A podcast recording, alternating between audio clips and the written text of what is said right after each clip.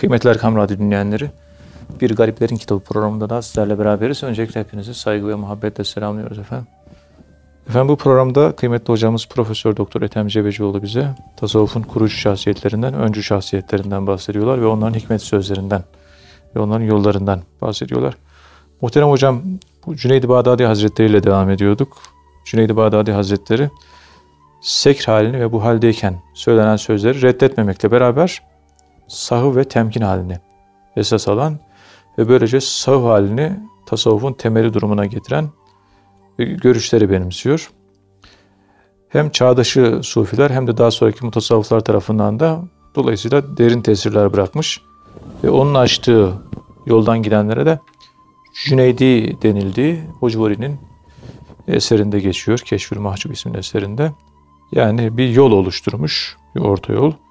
Ve bu yoldan e, giden pek çok insan var. E, kendi döneminde ve daha sonraki dönemlerde. Dilerseniz buna devam edebiliriz muhterem hocam. Yani Cüneyd-i Bağdadi Hazretleri'nin e, kendine göre bir ekol oluşturması ve bu ekolün temel dinamikleri, özellikleri neler? Buyurun Sayın Hocam. Euzu billahi mineşşeytanirracim. Bismillahirrahmanirrahim. Elhamdülillahi rabbil alamin. Ve salatu ve selamu ala Resulina Muhammedin ve ala alihi ve sahbihi ecmain ve bihi nesta'in. Muhterem dinleyenlerim, hepinizi sevgiyle, saygıyla selamlıyorum. Dualarımla kucaklıyorum. Allah son nefeste hepimize imanla ölmeyi nasip ve müyesser eylesin. Amin. Evet muhterem dinleyenlerim, Cüneyd-i Bağdadi Hazretleri bir kulun akıl mertebesini terk etmemesi konusunda ısrarla duruyor. Yani aklın uyanıklılık hali. Yani uykudan uyandık, uyanınca gözümüzü açtık.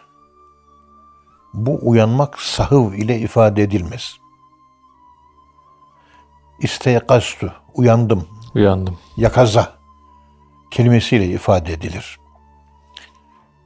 Yıkan, yıkanmayı, e, uyanmayı ifade eden pek çok kelime var. Sahuv kelimesini tasavvuf erbabı kullanmış. Yani uykudan uyanmak değil. Sahuv aklın farkındalığını ifade eden, aklın uyumayışı, gözün değil. Aklın, akıl gözünün uyumayışı, açık oluşu, görüşü, bununla ilgili bir kavram. Sahuv kelimesi. Evet. Yani ayakta durmak, kalkmak ve ayakta durmak.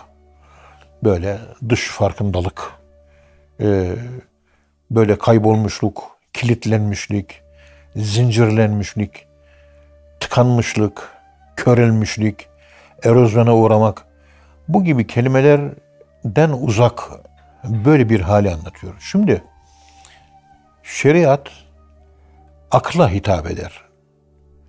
Onun için delilere ve çocuklara şeriat yoktur. Evet. Eğer akıl varsa şeriat vardır. Yani akıl yoksa işte meşhur söz divane ra kalem nist deliye kalem yoktur. Yani kalem delilerden ve çocuklardan kaldırılmıştır. Çünkü akıl yok. İslam dini her zaman söyleriz. Öncelikle tefekkür, akıl, fikir, e, tezekkür yani aklın türevleriyle ilgili 700 tane ayet var. Evet. Düşünce ile ilgili 700 tane ayet var. O düşünce ile ilgili 700 tane ayet bizim aklımızın başımızda olmasını gerektiriyor. Mesela afyonu e, aldık, uyuşturucu. Aklımız gitti. İslamiyet buna ne diyor? Aklı korumak, nesli korumak değil mi? Malı korumak, ırzı korumak. E, be, zarurat-ı diniye aklı korumak başta geliyor. Aklını koruyacaksın. İçki haram. Aklı gideriyor. Giderilmesi istenmiyor. Bakıyorsunuz öfke aklı gideriyor. vel kâzimînel gayza vel âfîne anin nas diye başlayan ayet-i kerimeler Evet. öfkesini yutanlar. Çünkü öfke aklı bağlar. Öfkelenin de, öfkelenen insan da delirmiş gibidir. Aklı çalışmaz. Efendim söyleyeyim, Şehvet. e, şehvet, dünya sevgisi, aşırı iptilalar, aklı hep bağlar. Ağlıyor. Bağlayınca, akıl düzgün çalışmayınca Allah, Allah'a kul olmak, Kur'an, şeriat, yaşamak, efendim söyleyeyim, e, kendi konumunu toplumda, din önünde, Allah önünde belirleyememek, adresini kaybetmek, koordinatlarını kaybetmek, kimliğini kaybetmek, delinin ve çocuğun kimliği yoktur. Ama aşırı para düşkünün de kimliği yoktur. Para deyince hopluyor, zıplıyor. Parayı putlaştırmış. İşte bir negatifinde bile bir denge var. Evet. Pozitif olanı Allah sevgisinde dalıyorsun, aklın gidiyor, delirdin. Bu yok. Cüneydi Bağdadi ekolünde. İnsan tabii coşacak. Evet bir deli yanı, bir çocuksu yanı olacak. Ama içi deli, dışı akıllı olacak. İçi sarhoş olacak, dışı uyanık olacak. Evet. İç, kalp ve ötesi akıl ötesidir. Akıl ötesini de yaşayacaksın. Ama akıl içi olanı, akıllı da yaşayacaksın. Bu dış alemde yaşıyoruz. Bakın bu oda, sandalye, masa, koltuk, komedin, saat, kapı, pencere, duvar, tablolar, avize, çiçek, tabla. Her şey var değil Her mi? şey var. Ha, bu dış alemi aklımızla yaşamamız ama içimizde de Allah'ı yaşamamız. Allah'ı yaşamamız merkez olacak ama dışı da yaşayacağız. Yani dışın kurallarına dışımız uyacak. İçimiz de için kurallarına uyacak.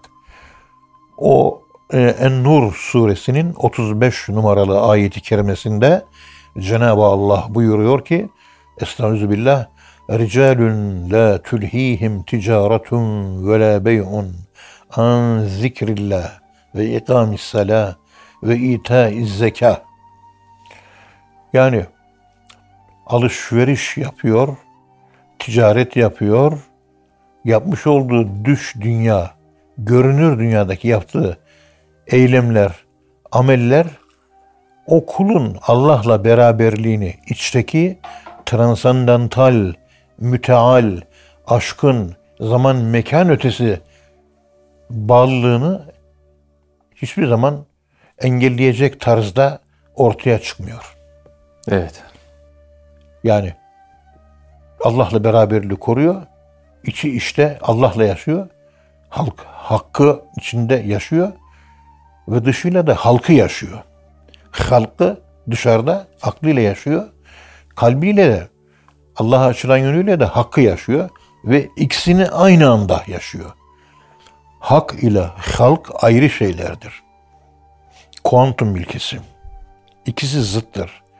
Halk zamanlı mekanlıdır. Hak zamansız ve mekansızdır. Zamanlı ve mekanlı olanı aklımızla dışarıda yaşarken aynı anda iç dünyamızda zaman ve mekanı aşan manevi yönümüz ruhumuzla da e, ruhumuzun noktayı süveyda kabiliyetiyle de Allah'ı yaşamak. İki zıt kutup bizde birleşiyor. Yani oluş kuantum oluşu. Dış alemi yaşıyoruz. La ilaheye tekabül ediyor. İşte Allah'ı yaşıyoruz illallah. Gözümüz eşyayı görüyor, duyuyor, midemizi kullanıyoruz, dilimizi kullanıyoruz, kulağımızı kullanıyoruz, burnumuzu koklayarak kullanıyoruz, elimizi tutarak kullanıyoruz, midemizi doyurarak kullanıyoruz, kullanıyoruz, kullanıyoruz, kullanıyoruz. Hepsini kullanıyoruz. Bu kullanma beni iç alemimde Allah'la olan beraberliğime bir bozuntu, bozgunluk, bozulma ya engellemeye sebep olmaması, halel getirmemesi lazım. Evet. Ve içimdeki yaşadığım Allah'la coşkun o akıl ötesi hal, akılla alakası olmayan, inançla alakalı müteal, aşkın, yüce bir hal var. El Aliyyü isminin tezahürü olarak Sübhane Rabbiyel Ala secdede. Ala. O da benim dış afaki, nesnel dünyada yaşamama engel olmayacak.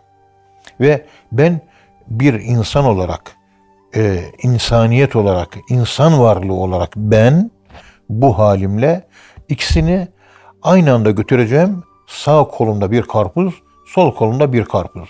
İkisini birden taşıyacağım. Bir tarafımda sırf Allah var, dış dünya yok, ölmemiştir. Çünkü bu dünyada yarattık ve imtihanımız bu dünyada. Bu dünyayı yaşıyoruz. O karpuz koltuğumuzda var. Fakat bu koltuk Allah'la beraberlik e, alanındaki karpuzumuz koltuğumuzun altında. Bu da dengesiz. O da dengesiz. O da olacak. O da olacak. Efendimiz Aleyhisselatü Vesselam ölçü yani peygamberimiz. Ölçü. İşte bu altın denge, golden e, way dediğimiz altın yol, altın ölçü. Ve da golden balance diyorlar buna. Altın denge, altın terazi. Bunu bulduğunuz zaman e, artık e, sizin inancınız size fayda verir. Siz içinizde Allah'ı bulur, oradan kuvvet alır. O kuvvetle bu dünyayı yaşarsınız. Ve aklınız e, aklı meat olarak Allah'la buluşur. Allah'tan güç kuvvet alır, aydınlanır. Dış dünyanın problemlerini daha kolay çözersiniz. Evet. Sıkıntılarınız daha kolay gider. Sıkıntılarınız daha kolay biter. Sonuca daha çabuk varırsınız. Bu modern insan ve modern enteleksiya kalpten alakasını Auguste Comte'un pozitivizmi nedeniyle ilmin Allahlaştırılması, putsal, putlaştırılması nedeniyle alakasını koptu, kopardığı için akıl kendine ait gücü, ışığı, aydınlığı eskiden olduğu gibi kalbinden artık alamıyor. Tarikat yaşaması, tarikattaki o inisiyatik yöntemle kalbin uyandırılması, kalpte ışığın oluşması, o ışıkla aydınlanmayan bir kalp insanı objeler dünyasında, afak dünyasında boğar, yok eder ve o şekiller arasına o aklı sıkıştırır kalır. Ve bu tip insanlar hep sürekli zihin acısı çekerler. Evet. Çünkü akıl kalpten gelecek enerjiye, ışığa, nura, hidayete, Kur'an-ı Kerim'e nur diyor, e, rahmet diyor. Bu rahmetten mahrum kalmış akıl. Nurdan akıl kalmış. Hidayet diyor, hüden diyor. Işıksız. Hidayetten e, mahrum kalmış. Bir akıl e, zombi gibidir, yaşayan ölü gibidir. Ve çözüm üretmek yerine sürekli problem üretir. Problem üretir. Onun için felsefeciler kalpten ışık almadıkları için problem çözdüklerini zannettikleri için halbuki problem üretiyorlar. Her filozof bir sonraki filozof tarafından fikirleri çürütülmüştür. Bir filozof geliyor, Diltley geliyor, işte e, anlam bilim, işte e, vesaire bu gibi konularda e, bir takım fikirleri ileri sürüyor. Daha sonra başkası geliyor, şurada şurada hatalar yapmıştır diyor. Hakikaten o hataları var. Evet. Hermenötik üzerine Diltley'in çalışmaları var. E, çok da muazzam eleştirilmiştir. Ve o eleştirileri de haklıdır. Niye? Kalpten ışık alamadığı için e, bütünü göremiyor. Evet. Bütünü görüyorum da felsefe yapıyorum zannediyor. Bütünü göremiyor. Bütünü görebilmek için aklın sıçrama yapması lazım. Apartmanın birinci katından değil de yedinci katından şehre bakması lazım. Birinci katından bakarsan sadece önündeki sokağı görürsün. Yedi kat, yedinci kattan bakarsan ta 4-5 mahalle ötesini görürsün. Holistik bakış. E, 10-15 tane sokak görürsün. Efendim 40-50 tane yol görürsün. Ama 7. katta gözüküyor. Aklım stage denilen böyle kademe kademe sıçrama yapması, yükselmesi, olaylara tepeden bakması. İşte drone'u uçuruyorlar. İşte yukarıdan Afrika'daki Marai otlaklarındaki sığırların göçünü izliyorlar. Bir yerden çıkıyorlar. Yerden çekince fazla bir görüntü ve bir anlamıyorsunuz. Ama ta 250 metre, 200 metre yukarıdan bir drone resmini çekiyor o hayvanların. O hayvanların davranışları. Yakından bakınca kaos gözüküyor. Ona giriyor, ona giriyor, toz, toprak, bilmem ne, o hopluyor, bızbılıyor, o bağırıyor, çağırıyor. Ama yani bir an- bir çözüm anlamıyorsun. Bunlar ne yapıyor diyorsun. Evet. Kaos, kargaşa var. Ama drone yukarı çıktığı zaman bir bakıyorsun bir kısmı sağdan bir kısmı soldan gidiyor. İleride birleşiyorlar. Daha ileride hep beraber çıkıyorlar. Hep beraber topluca bir yerden dönüş yapıp güneye gidiyorlar. Oradan doğrulup daha da ileri gidiyorlar. Derken hepsi kendilerinin timsahların beklediği o meşhur Nijer nehrine varıyorlar. Evet. Yukarıdan daha anlamlı gözüküyor. Yukarıdan daha iyi okunuyor. İşte bu nurla akıl yukarı çıkar. Semavat 1, 2, 3, 4, 5, 6, 7. kat semavat. Semavat akıl katlarıdır. Peygamberimiz miracı yaparken semavatı arş, aştı. Aştı. Yani kendi aklının yedi kat olan yapısallığını aştı. Miraç daha da ondan sonra. Bak sıçramış aklı anlatıyorum. Sıçramış aklın daha sonrası miraçtır. Nasıl olduğunu bilmiyoruz. Ama miraçın kendisi anlatılabiliyor. Semavatla. Semavatın her bir katı bizim aklımızın katmanlarıdır. Ve iç içedir. Le terkebunne tabakan an tabak. Tabaka tabaka. Tabaka tabaka.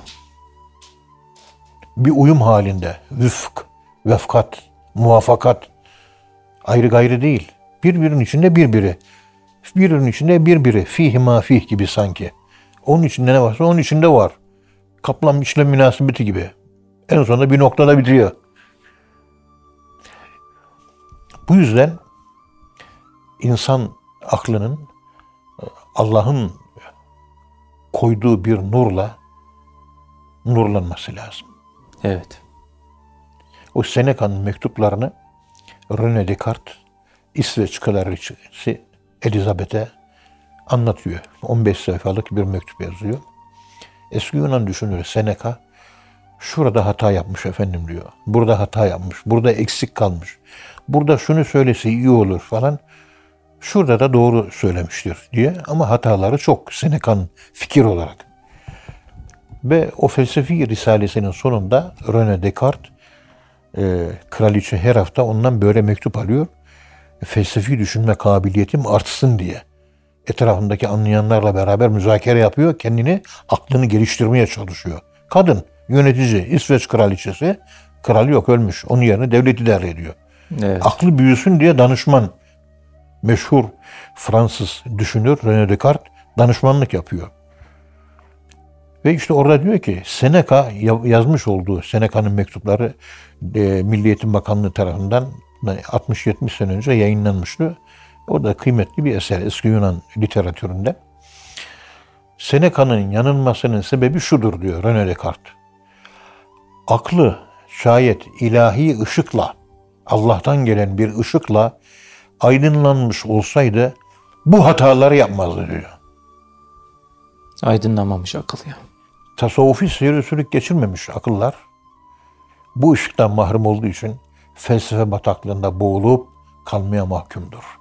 Ve yanlış üzerine yanlış binası, eksik üzerine eksik binası o çamurun içerisinden kurtulması mümkün değildir.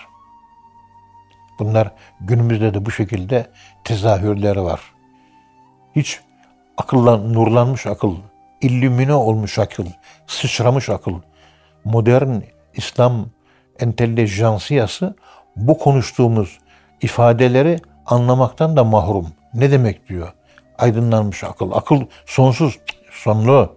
Gazali onu fark etti. Nurlanmış akılı bulmak üzere, hakikati bulmak üzere nurlanmış akıl meydana gelsin diye iki sene riyazet yaptı. Aklım nurlandı, artık hakikati gördüm diyor. Evet. Allah'ın kalbime attığı bir nurla aradığımı ben buldum diyor. Allah atmazsa bulamayacaksınız. E sen burada tasavvufu inkar ediyorsun. Tasavvufi seyir kadim irfan geleneğindeki inisiyasyon olayını, tekamül olayını, manevi olarak kendini geliştirme ve aydınlanma, iç aydınlanma.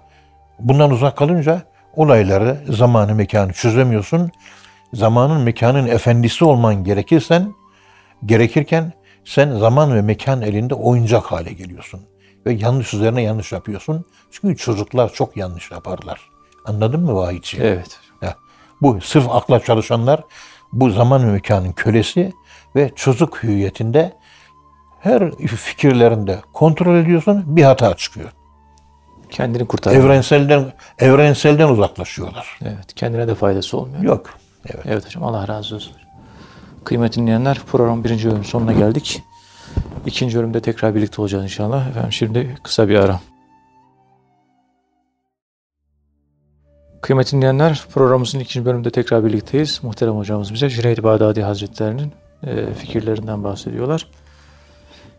Kıymetli hocam Cü- Cüneyd Bağdadi Hazretleri e, İmam Gazali Hazretleri de bahsediyor. İşte El Munkızı Mine Dalal isimli eserinde tasavvufa yönelmesinde Cüneyd Bağdadi'nin çok tesir olduğunu söylüyor. Yani İmam Gazali Hazretleri ve Cüneyd Bağdadi'nin etkilendiğini söylüyor. Sizin de sürekli bahsettiğiniz işte İmam Gazali Hazretleri'nin orta yolu İslam. Bunda Cüneyd Bağdadi'nin bir tesiri var ve onun fikirlerinin bir tesiri var. Dilerseniz e, bu bölümde de yani hem İmam Gazali Hazretleri hem de Cüneyd Bağdadi Hazretleri'nin bu orta yol İslam'dan neler kastediyorlar, neden Cüneyd Bağdadi Gazali'yi etkilemiş bunlardan bahsedebiliriz kıymetli hocam. Buyurun Sayın Hocam.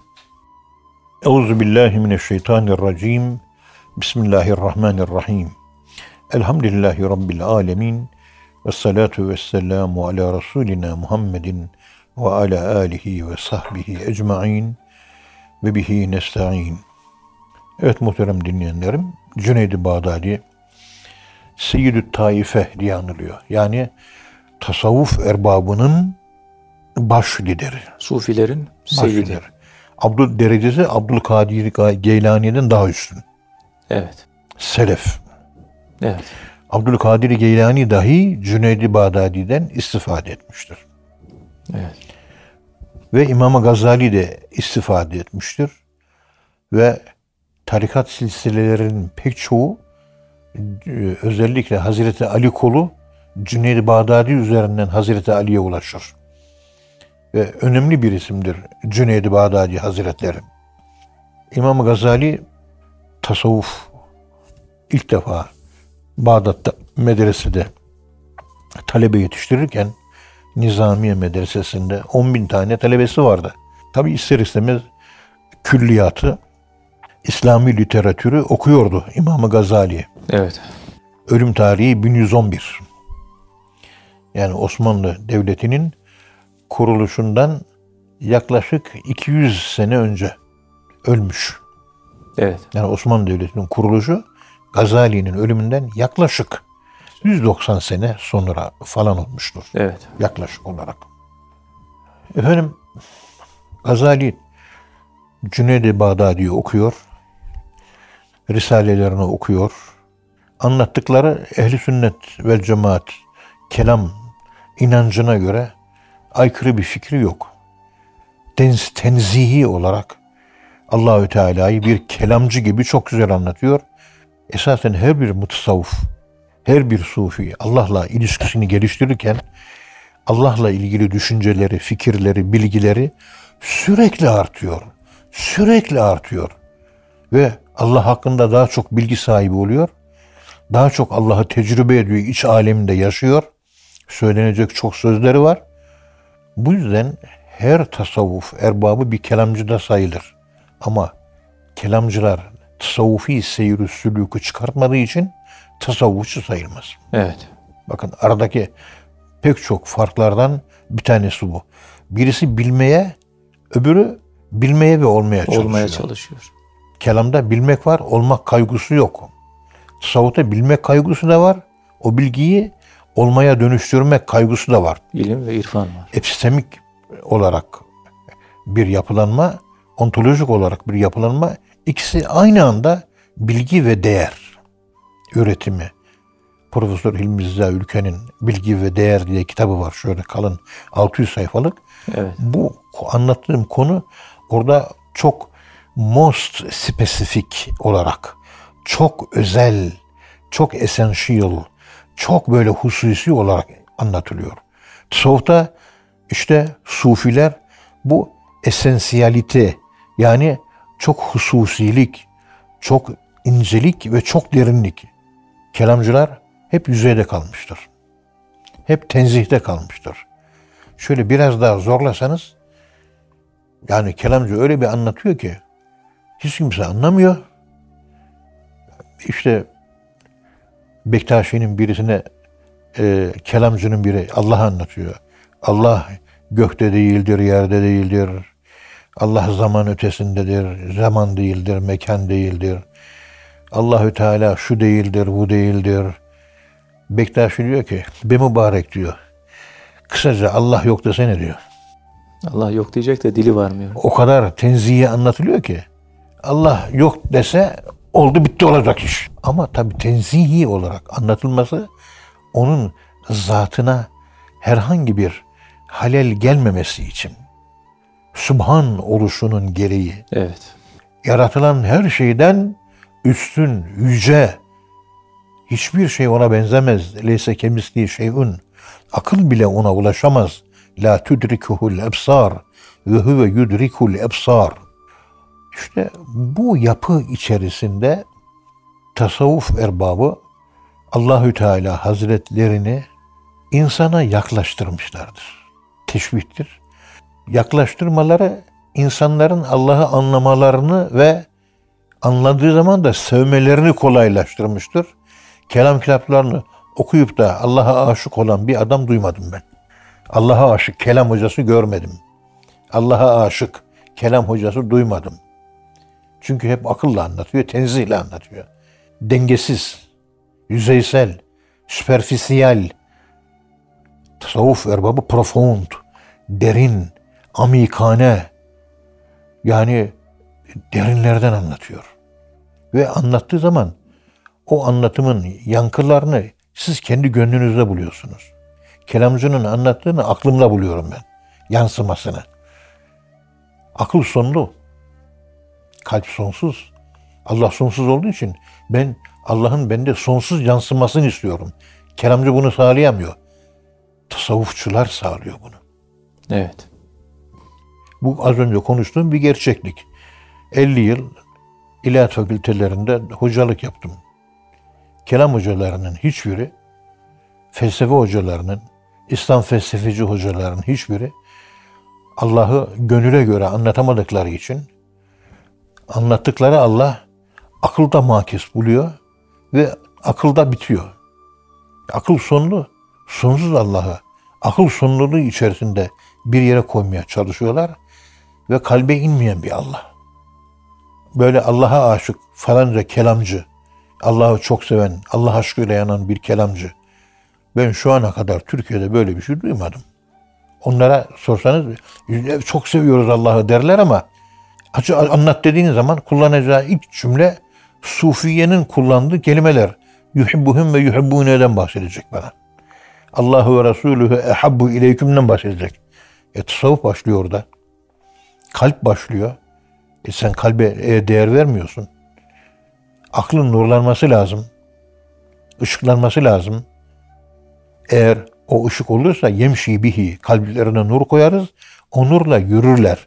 Olmazsa yürüyemez. Yürüyemez. Ayet. Evet. Mefhumu muhalifi bu. Nur varsa o nurla yürür. Bihi. Oradaki bihi'deki bi ile hi o nur ile yürürler. Ba Seyyid Şerif Cürcani'nin avamilinde Molla Cami'nin e, Molla Cami adlı eserde ba ilsak içindir. Evet. Yapışıklık. Yani beraber gidiyor senin kolundan tutmuşum. Yapışmışım. İlsak. Yani omuz omuza yürüyor. Bitişiklik değil. Yapışmak. Yapışık. İlsak. O nura yapışarak yürür. Niye? Önünü aydınlatır. Ve ben önüme doğru yürüyorum. Önümü aydınlatacağı için önümü görürüm ve herhangi bir yere toslamadan, herhangi bir çukura düşmeden, herhangi bir taşa ayağım çarpmadan rahatlıkla yürüyebilirim.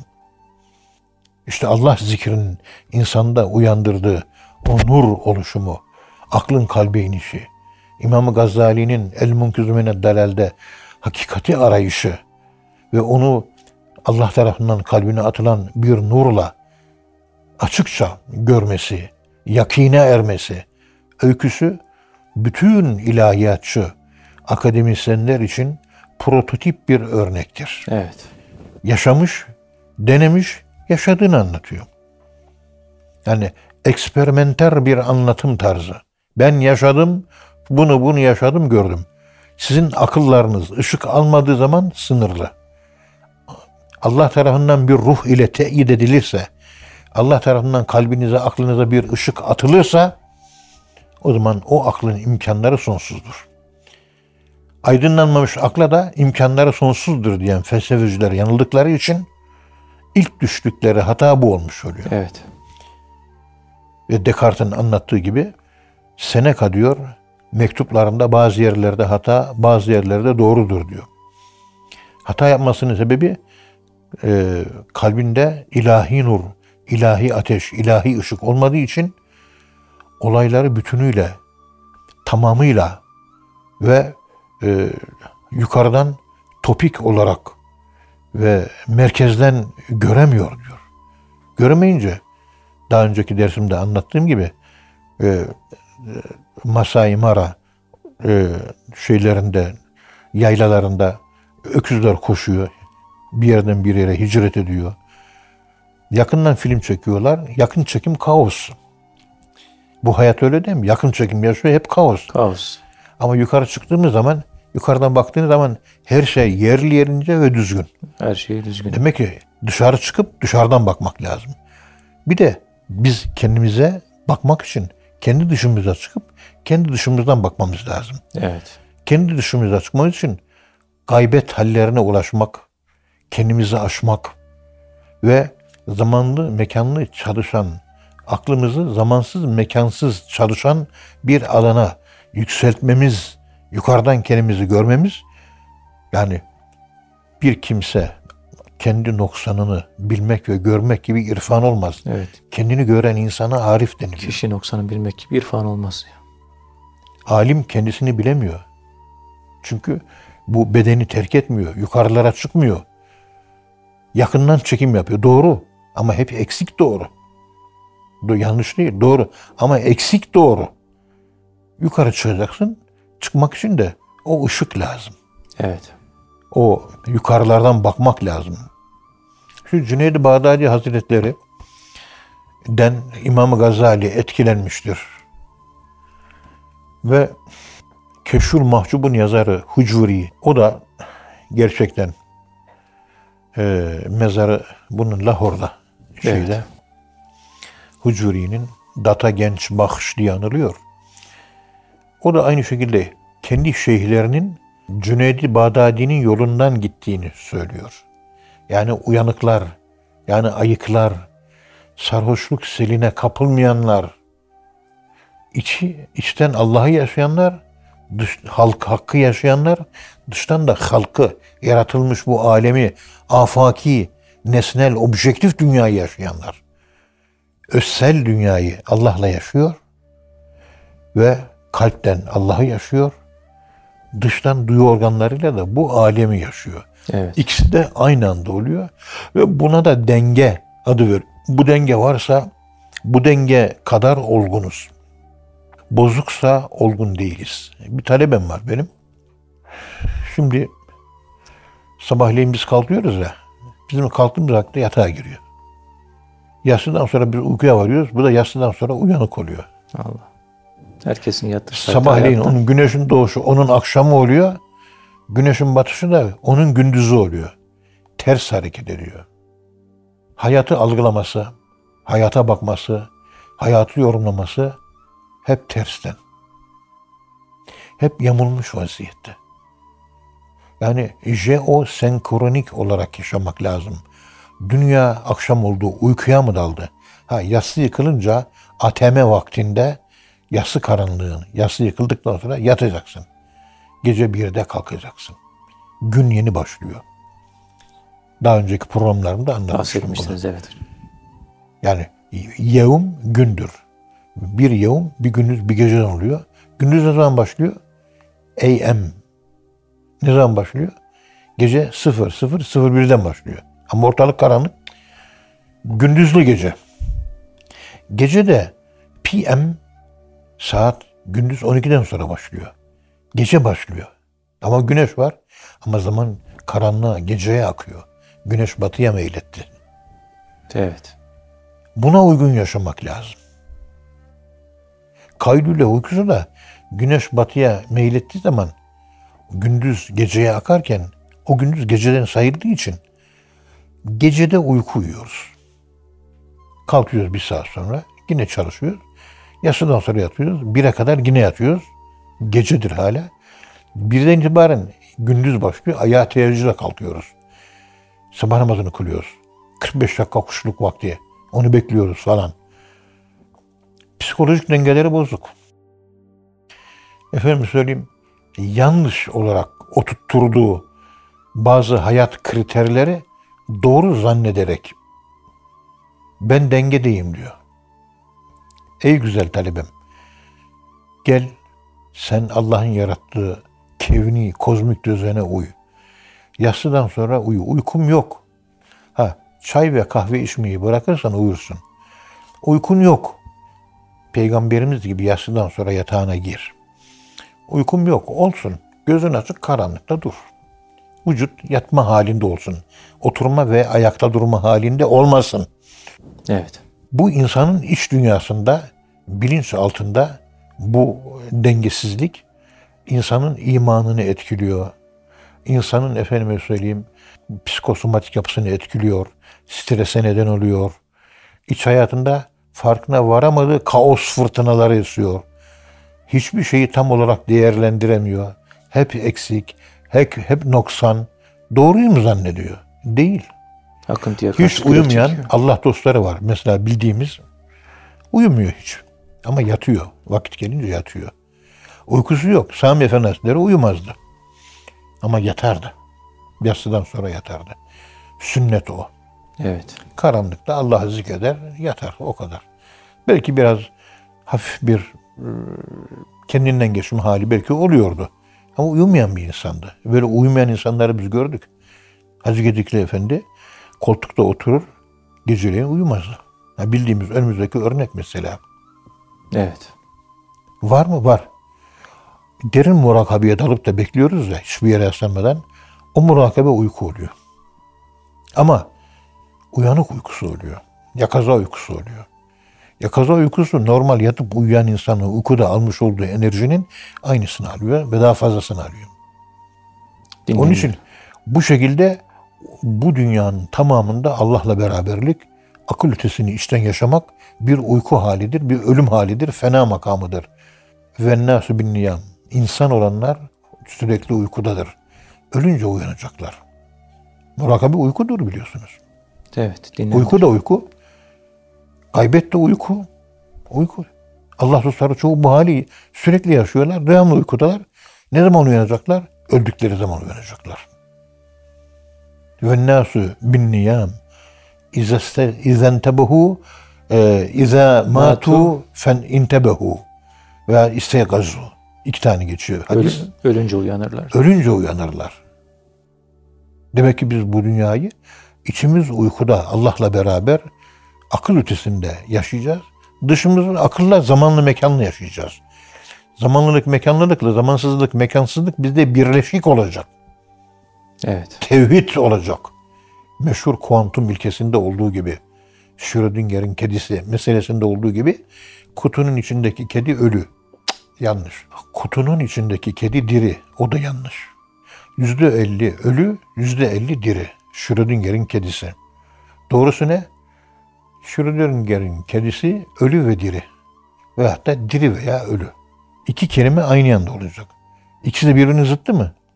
Şöyle aklımızla bu dünyayı zamanlı mekanlı yaşamak, kalbimizle de zamansızlığı ve mekansızlığı yaşamak. Bizde aynı anda olacak. Dervişseniz zamanlılık mekanlı yaşayan aklınızın ötesinde kalbinizde zamansızlık ve mekansızlığı yaşar. Yani içiniz uyku halinde, dışınızda dışınızda uyanıklılık halinde olur. Evet hocam. İki zıt birleştirilir. Yaşamsal tevhid yani pratike efendim söyleyeyim reel tevhid, yaşanan tevhid görüntü üç aşağı beş yukarı buna yakın bir ifadeyle ifadelendirilebilir şahsi kanaatime göre. Yaşanan tevhid. Laf laf laf laf laf. Düşünüyorsun düşünüyorsun kurgusal kurgusal. Hani yaşama nerede? Tatbikata geçtin mi? Yok. Biz yaşadığımız tevhidden sorgulanacağız. Aklımızın bildiği tevhidden değil. O tevhidi yaşayan insanların sayısı dervişler bile maalesef yaşayamıyor. Evet hocam. Allah razı olsun hocam. Ağzınıza sağlık. Kıymetli dinleyenler bir programın daha sonuna geldik. Bir sonraki programda buluşuncaya dek hepinize Allah'a emanet ediyoruz. Hoşçakalın efendim.